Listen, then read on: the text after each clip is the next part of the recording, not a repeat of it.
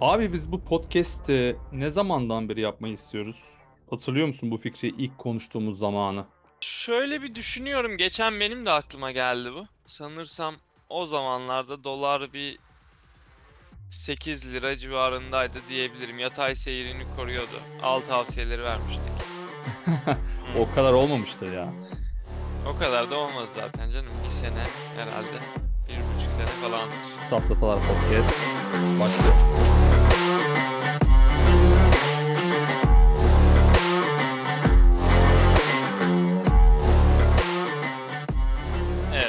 Güzel bir jingle ile sezona giriyoruz. Ee, ama tabii ki siz eğer jingle'larınızı değiştirmek isterseniz bize Instagram ve Gmail üzerinden isteklerinizi iletebilirsiniz. Herkese merhabalar diliyorum. Evet Selimciğim nasıl havalar, nasıl gidiyor hayat? Almanya'da, Münih'te değişiklikler, yenilikler var mı? Hayatında bize dair paylaşmak istediğin ne gelişmeler var? Bu ay özellikle Ağustos ayında çok fazla Münih'te kalamadım. Genelde gezilerle birazdan bahsederim. Nine Euro Tickets sürecini değerlendirmeye çalıştım. Bir de Ziget Festivali'ne gittim hayatımda ilk defa 28 yaşında. Orada da çok komik şeyler yaşadık.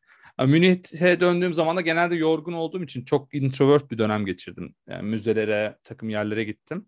Ee, Ben ay sonunda ameliyat olacağım. Dizimde bir problem var. O yüzden dedim ki şu son bir ayı iyi geçireyim dedim ve iki tane yolculuğa çıktım. İlki Nine Euro Ticket'la oldu. 3 aylığına yani her aya bir bilet alıyorsun ve bu bilet sadece hızlı trenler haricindeki bütün e, ulaşım yollarını kullanabiliyorsun. Biz de dedik ki bunu bir değerlendirelim. Pahalı olan bazı rotaları 9 euroluk ticket'la gezme şansımız oldu. İşte 6 günde 4 tane şehir gezdim. İşte baş, Dresden'den başladım. Sonra işte Berlin, Hamburg, Göttingen ve sonrasında Münih'e geri döndüm. E, çok çileli bir yolculuktu. Özellikle dönüşü hızlı trenle yapmak zorunda kaldım. Keyifliydi. Belki İngiltere'de de yakın zamanda böyle bir şey yaparlar.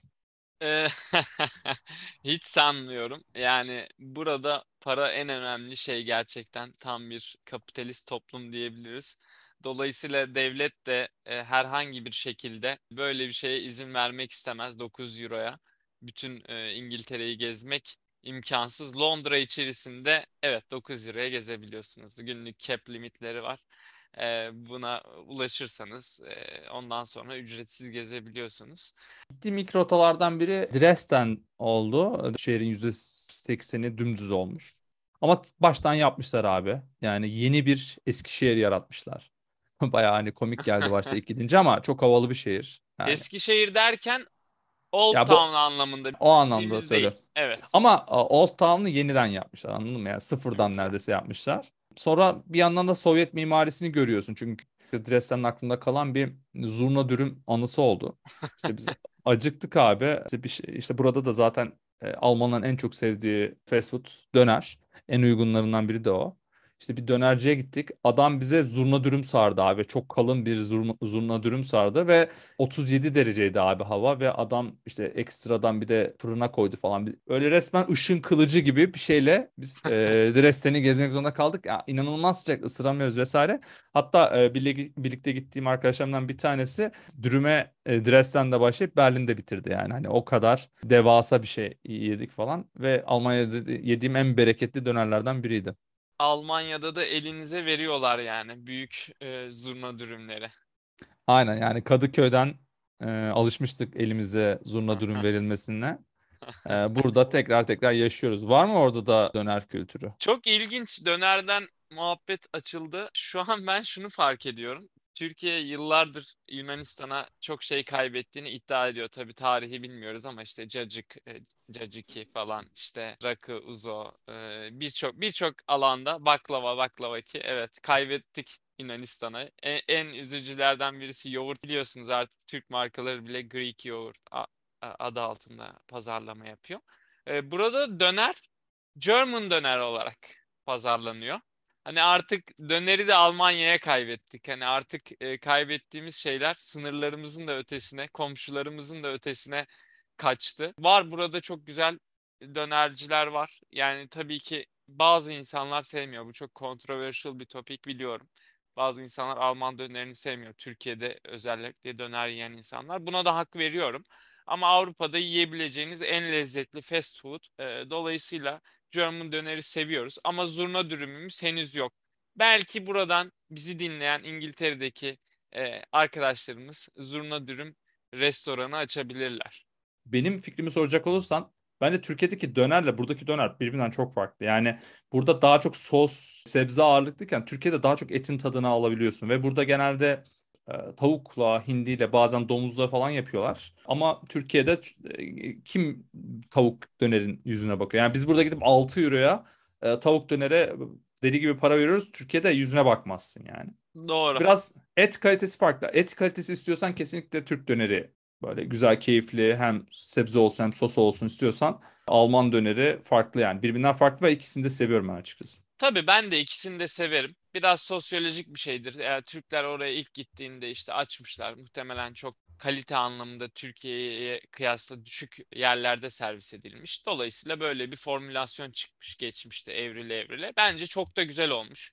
Aslında bir sokak yemeği gibi, sokak lezzeti gibi sunulmuş ve büyümüş. Çok büyük bir market bildiğim kadarıyla yani bütün Avrupa'nın tamamında çok büyük bir döner endüstrisi dönüyor. Türkiye'deki de Türkiye'de güzel. Ben ikisini de çok seviyorum. Severek yiyorum. Buradan şeye geçeyim. Londra'da gece hayatından sonra bir şeyler bulabiliyor musun yiyecek? Evet, açıklıkla söyleyebilirim ki bulabiliyorsun. En en sevindirici taraflardan birisi o olabilir. Londra bence biraz İstanbul'a benziyor bazı anlamlarda. Sürekli yaşayan bir şehir. E, hemen hemen haftanın her günü. E, çünkü çok fazla sayıda genç insan var Londra'da yaşayan. E, dolayısıyla bu insanlar için e, bence güzel bir fırsat. Bunu bazı şehirlerde bulamayabiliyorsunuz. Ben de Avrupa'da hemen hemen birçok şehire gittim. Bazı şehirlerde özellikle Almanya'nın bazı şehirlerinde hayat durma noktasına geliyor akşam üzeri 6-7'den sonra. Londra'da birçok işte senin bahsedebileceğin gibi böyle belki Almanya'da Trinkale olarak adlandırılan burada da e, wine shop olarak adlandırılan tekeller açıklar. Bazı işte fast food restoranları açık. E, onun için e, ben bu konuda çok mutluyum. Bazen şey sıkıntısı olabiliyor gece hayatına. Yani yemeğini yedin de evine nasıl döneceksin? O sorun olabiliyor. Ve şu an bütün hafta sonu Londra kilit. Hiçbir şekilde herhangi bir tren yolu ulaşımı yok. Sadece bazı hatların otobüsleri var ve otobüs gerçekten burada çok çileli yani. Dolayısıyla belki bu gecelerde hiç dışarıda geç yiyebileceğin bir restorana ihtiyaç duymayacaksın. Özellikle Almanya'nın güneyinde adamlar gerçekten 11'de hayatı bitirip uyumak istiyorlar. Yani öyle şeyleri var. Tabii ki burada da bazı gece kulüpleri var. Farz edelim gittim. Bir kere girmek çok pahalı. Mesela atıyorum buranın bazı klaplarında işte 15 euroya giriyorsun.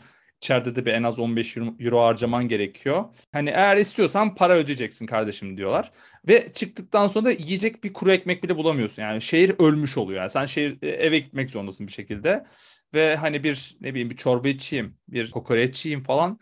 Bunlar gerçekten Türkiye'de en çok özlediğim şeylerden biri oluyor. Ama işte bu gezide Berlin'e ve Hamburg'a gittik. Yani daha çok Hamburg'da vakit geçirdik. Ben gerçekten Kuzey Almanya'nın gece kültürüne bayıldım. Özellikle Hamburg'da yani pub crawl yaptık mesela ilk günümüz olduğu için. E, yani bir 10 tane 15 tane mekana girip çıktık hızlıca. Ee, adamlar resmen barlar ilçesi yaratmışlar. St. Pauli adında bir yerleri var. Sokak sokak barlar var. Hani Red Light gibi bir yeri de var. Normal bizim gibi işte Türkiye'nin eski Taksim'indeki mekanlara benzeyen yerleri de vardı. Yani gerçekten bir sokakta en az 10 tane yere girdik tek yönlü. Yani diğer yönde de bir 10 tane var. Acayip sevdim ve adamların şöyle güzel bir olayı var. E, girişte hiçbir şekilde para sormuyorlar. E, garson gelip seni darlamıyor. Hani şey bile yapabilirsin öğrenciysen. Gideyim ev, evimde içeyim bir şekilde o moda yükselteyim kendimi. Sonrasında da gideyim club'da ya veya işte mekanlarda eğlenip evime döneyim. Bunu bile yapabilirsin. Ve işin güzel tarafı bunlarda bir balık ekmek kültürü var. E, bizim Eminönü'ndeki olan gibisinden. Saat 5'te e, balık pazarı açılıyor saat 9'a kadar. E, orada gidip sıcacık balık ekmekler yiyebiliyorsun ve birçok insan da geceyi orada bitiriyor. 5'e kadar eğlenip 5'te de fish brötchen dedikleri balık ekmeği yiyip günü öyle bitiriyorlar. İşte aynı aynı şekilde e, alışverişini yapıyorlar. E, sadece balık ekmek de yok. Aynı, başka seçenekler de var. İşte sebzeni meyveni de alabiliyorsun. Ben bunu gerçekten özledim yani. Ben Beşiktaş'a yakın oturuyordum ve Beşiktaş'ın balık pazarında da böyle oluyordu genelde. O yüzden eğer ben buraya açıkçası Münih'e direkt okumaya geldim hani ve diğer şeyleri araştırmamıştım. Bence kesinlikle düşünsünler. Eğer gece hayatı onlar için önemliyse yani Münih bence doğru bir yer değil. Çok güzel ee, bir noktaya parmak bastın. Sanırsam biraz bu şeyle de alakalı. Belki İngiltere'nin Londra dışındaki şehirlerinde de aynı şey gözlenebiliyor Münih gibi. Farklılık. Biz biraz Türkiye'de farklılıktan çok irkiyoruz. Ama işte biraz international olmak e, o şehirlere bu anlamda çok değer katıyor. Hamburg da öyle bir yer. Londra'da tamamen. Yani Londra'ya klasik bir Türk geldiğinde Türkiye'deki farklılıklardan şikayet eden barınması biraz zor olur. Yani burada aklınıza gelebilecek Türkiye'de iyi dediğiniz insanların yani tamamı burada. Dolayısıyla bunu bence biraz göz önünde bulundurmak lazım. Bazen de artı değerler katıyor şehirlere. Peki sen nasıl değerlendiriyorsun bu ortamı? Ben de şu an birazcık açıkçası yeni yeni şehri tanımaya başladım. Çünkü ilk dönemler biraz yoğun geçiyor iş anlamında ve alışma anlamında e, ve uzun bir ev bulma süreci gibi e, e, telaşlar olabiliyor. Ama e, biraz süre geçtikten sonra rahatlıyorsunuz ve şehri ve çevreyi tanımaya başlıyorsunuz. Ben de yakın zamanda biraz biliyorsun yaz mevsimi insan Bozcaada'yı da özlüyor. Gidemese de ona yakın bazı yerlere gitmek istiyor. Tabii ki de imkansız. Brighton, Brighton tarafına gittim. Buranın en meşhur tatil kasabası diyebiliriz e, insan şey bekliyor. Trenle gidiyorsun. E, bilet alıyorsun bunun için. Dolayısıyla biraz şehir dışı treni olduğu için e, koltuğum olur, konforum olur, kahvemi alırım, açarım bir gazetemi okurum diye e, trene böyle kahvemi ve gazetemi alarak bindim. Fakat tren gerçekten sizin 9 euroluk ulaşımlar gibiydi. E, aslında 9 euro da değil yani sanırsam e, Brighton'a günübirlik gidip gelmek 15 pound civarında bir rakam. Çok kalabalık. Hiçbir şekilde oturacak yer yok. Ve gerçekten güzeldi. Yani bir şekilde o yol bitiyor ve bir saat sonra şeye ulaşabiliyorsun. E, Brighton'a ulaşabiliyorsun. İlk e, deniz kenarı daha doğrusu biraz okyanusta diyebiliriz. Tecrübem oldu. E, plajlardan mutlu değilim. AK Parti belediyeciliği ya da CHP belediyeciliği hangisi ise bu kum getiren onların gelmesi gerektiğini düşünüyorum. Çünkü çok çakıllı ve gerçekten büyük çakıllar rahatsız edici yürümek çok zor. Herkes çok mutlu. Bir arkadaş grubuyla git Hollanda, Almanya, e, Türkiye ve İtalya tarafından. Plajlardan konu açıldı. Yani tabii ki de halk plajı ve yüz binlerce kişi muhtemelen orada o an. Biraz abartıyorum ama rahat var yani çok kalabalık. Türkiye'de biraz ücret ödemen gerekiyor. Hani sen klubların şeyinden şikayetçisin ama işte 15 euro gibi. Yani Türkiye'de biliyorsun yani bugün Çeşme'de yani 400 lira gibi bir rakam 500 lira bazı yerlerde 1000 lira harcama limiti e, koyulduğunu duyuyoruz. Çok üzücü. Ya bunlardan konu açıldı. Aslında biraz para veriyorsun Türkiye'de ama şey var. Yani kendim bir niş bir akvaryum seçebiliyorsun. Burada öyle bir lüksün yok. Herkesle beraber olabiliyorsun. Tercih meselesidir. O konu açıldı. Yani bana siz enayi misiniz? Niye böyle bir rakam veriyorsunuz dediler. E, ben de biz enayiyiz dedim. Yani biz biz enayiyiz. Bu şey gibi bir tane sanırsam tarzım olur musun gibi bir programda bir kadın vardı ismini unuttum. Lahmacuna 500 lirayı o lahmacuna 500 lira verebilen kişilerle yemek için veriyorsun diye. Biraz o kadının bazı noktada görüşlerini destekliyorum. Bilmiyorum sen ne düşünüyorsun bu konuda ama bence bazı şeyler için verilebilir. Öbür türlü e, gerçekten konforu yakalamak bazen zor olabiliyor. Bir de biz tili böyle sürekli yapabilen insanlar değiliz. İşte çalışıyoruz. E, tatil yaptığımızda da birazcık konfor alanı yaratmak istiyorsun. E, bence bilmiyorum. Yani sen ne düşünüyorsun? Türkiye'deki model de çok kötü değil. Adını fazla kaçırdılar bence. Yani belli bir miktar para okey ama bazen para vermem de yeterli olmuyor. Yani arabana bakıyorlar, içeride ne kadar para harcayacağına bakıyorlar çok. vesaire. Çok maddiyata dönüşüyor iş. Ya yani onun daha güzellerini Yunanistan'da bedavaya girebiliyorsun yani. Hani Yunanistan çok bir dengesini bulabilmiş bence. Bizde bir sıkıntı var o anlamda ama şeyi de anlıyorum. Biraz konfor da arıyor insan. Türkiye'nin değişen demografik yapısıyla birlikte e, diyorsun ki hani birazcık da param paramla bir iltimas sahibi olayım. Şimdi de herkes şey diyor. Ya işte gel Türkiye'ye paraları ez. Ya arkadaşlar ben niye Türkiye'ye geleyim? Yani ben buradan Yunanistan'a gidiyorum. Türkiye'deki harcadığım paranın yarısına çok daha rahat, çok daha düzgün bir tatil yapabiliyorum. Siz gidin, siz harcayın, paralarınızı çok ezin yani gidin o zaman Afganistan'a, Afganistan'da ezin. Yani bu böyle şey değil. Ben paramın değerli olduğu yere gideyim, orada başka dinamikler de var arkadaşlar. Onun için e, ben size tavsiye ediyorum. Biliyorsun Çeşme'de şu an çok büyük bir proje başlatıyor Turizm Bakanlığı. Bayağı hiçbir yer kalmayacak gibi düşünüyorum. Yani güzel de e, olur, e, kötü de olabilir bazı insanlar için. E, ama büyük bir proje var diye biliyorum. O bütün hemen hemen Çeşme çok büyük bir dönüşüme gidecek. Artık öyle çadır atalım falan zor. Yani şey mi bekliyoruz? Delikli Koy'a bir millet bahçesi mi bekliyorsun? Tabii ki çoluk çocuk yuvarlanacaksınız denize gireceksiniz. ben kek açıkçası yani bir denizden çıktıktan sonra bir kek yemek e, istiyor canım yani. O yüzden güzel olabilir Delikli Koy'da bir Normal kek mi? Yani iç, e, Amsterdam keki değil. Yok ben direkt üzümlü kek yemek istiyorum. Üzümlü kek. o zaman en iyisi biliyorsun Ege'mizin güzel üzümleriyle Delikli Koy'da yenir, Türkiye'de yenir diyelim. Arkadaşlar e, çok ilginç bir tecrübe ama e, gay club. E, kendilerini böyle pazarlıyorlar. Ben kendim straight bir insanım. Kapıda girerken dediler ki bu gece para kazanmak ister misin? Yani çok ilginç bir soru arkadaşlar. Çiftlik bank sorusu gibi geliyor kulağa. Hani hem sizden para istiyorlar klaba girerken hem de para kazanabileceğinizi söylüyorlar. Böyle şey gibi geçen şey duydum böyle Ankara'da duş topu satıyormuş birisi. E, diyormuş ki siz bunu alın işte kendi banyonuzda bunu 300 litre suyla büyütün. Sonra biz sizden 40 katına geri alacağız. Yani hiç kimse de dememiş abi bu insanlar geri zekalı mı hani niye bize veriyorlar ki kendileri yapsınlar. Kendileri yapabilirler. Sonuçta sadece ıslatıyorsun. Başka yaptığın hiçbir şey yok. Onun gibi ben de böyle şeylerden çok irkilirim. Ee, nasıl dedim? Ee, birazcık e, soyunarak dedi. Ben de çok teşekkür et. Ee, iyi ki de ayrılmışım. Standtan ayrıldım. E, içeriye girdim. Çok güzel. E, işte herkes eğleniyor. E, güzel bir gay ortamı var. İnsanlar öpüşüyor, sarılıyorlar, işte dans ediyorlar. E, iki saat sonra çok anladım ki ilginç bir şova dönüşecek. Ve şovun adı Porn Idol. Adından da anlaşılabileceği gibi biraz sert bir şov.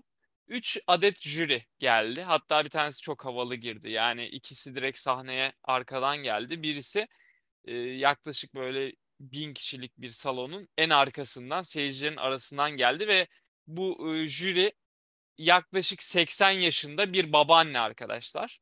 Ama uzun yıllardır anladığım kadarıyla LGBT destekçisi ve bunun nasıl diyelim pazarlamasını ya da bunun haklarını savunan aktivistliğini yapan bir kişi. Çok havalı girdi söyleyebilirim yani öyle havalı bir babaannem olsun isterdim gerçekten. Üç tane jüri var.